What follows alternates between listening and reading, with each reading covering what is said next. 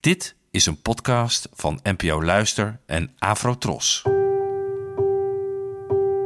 Poëzie vandaag. Met Ellen Dekwits.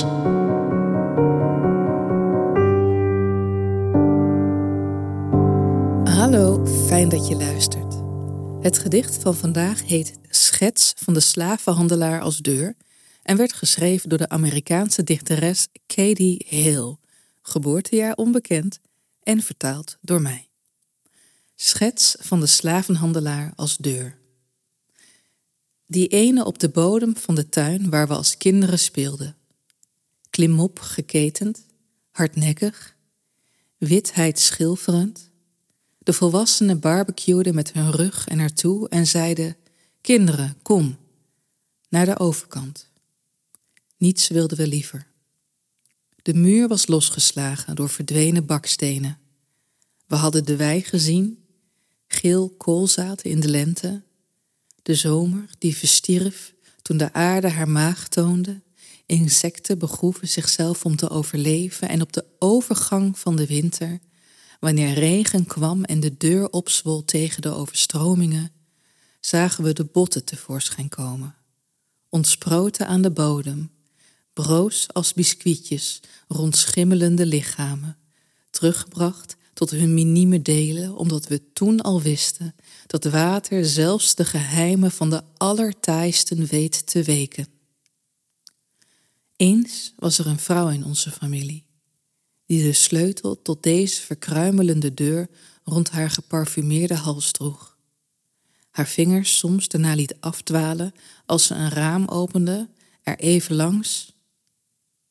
De haarlok van een minnaar maar ze is niet meer. En waar de sleutel is, weet niemand, hoewel men zegt dat de vrouw hem meenam, knokig en klein, naar haar drie meter diepe perceel op de heuvel. Soms houd je, om het maar met de dichter Ilja Leonard Fiver te zeggen, aan een gedicht geen feiten over, maar vermoedens. En juist die vermoedens maken dat het werkt. Neem bijvoorbeeld het horrorgenre. De beste griezelfilms en boeken zijn huiveringwekkend, omdat je nooit helemaal zeker weet wat er nou speelt. En hetzelfde geldt vaak voor gedichten en al helemaal voor dit gedicht. Wat is er aan de hand? Er is een tuinfeest aan de gang, er wordt gebarbecued, kinderen spelen achter in de tuin en opeens roepen de volwassenen hen. En langzaam blijkt de speelplek een begraafplaats en de grond een soort deur die opzwelt wanneer er regen valt en zo de botten blootlegt. En dan wordt er verteld over een ver familielid, die de sleutel tot deze mysterieuze deur bezit. En eerst denk je nog dat de grond de deur is waarin mensen worden begraven, maar het wordt opeens gelaagder. En ik moest denken aan de verhalen over Amerikaanse plantages, waar tot slaafgemaakten als straf werden opgesloten in een metalen doos in de aarde, zoals bijvoorbeeld in de film Django Unchained van Quentin Tarantino. Hoe dan ook, de deur in dit gedicht leidt niet tot een fijne plek, dat staat vast. En gaandeweg worden hier heden en verleden aan elkaar gesmeed.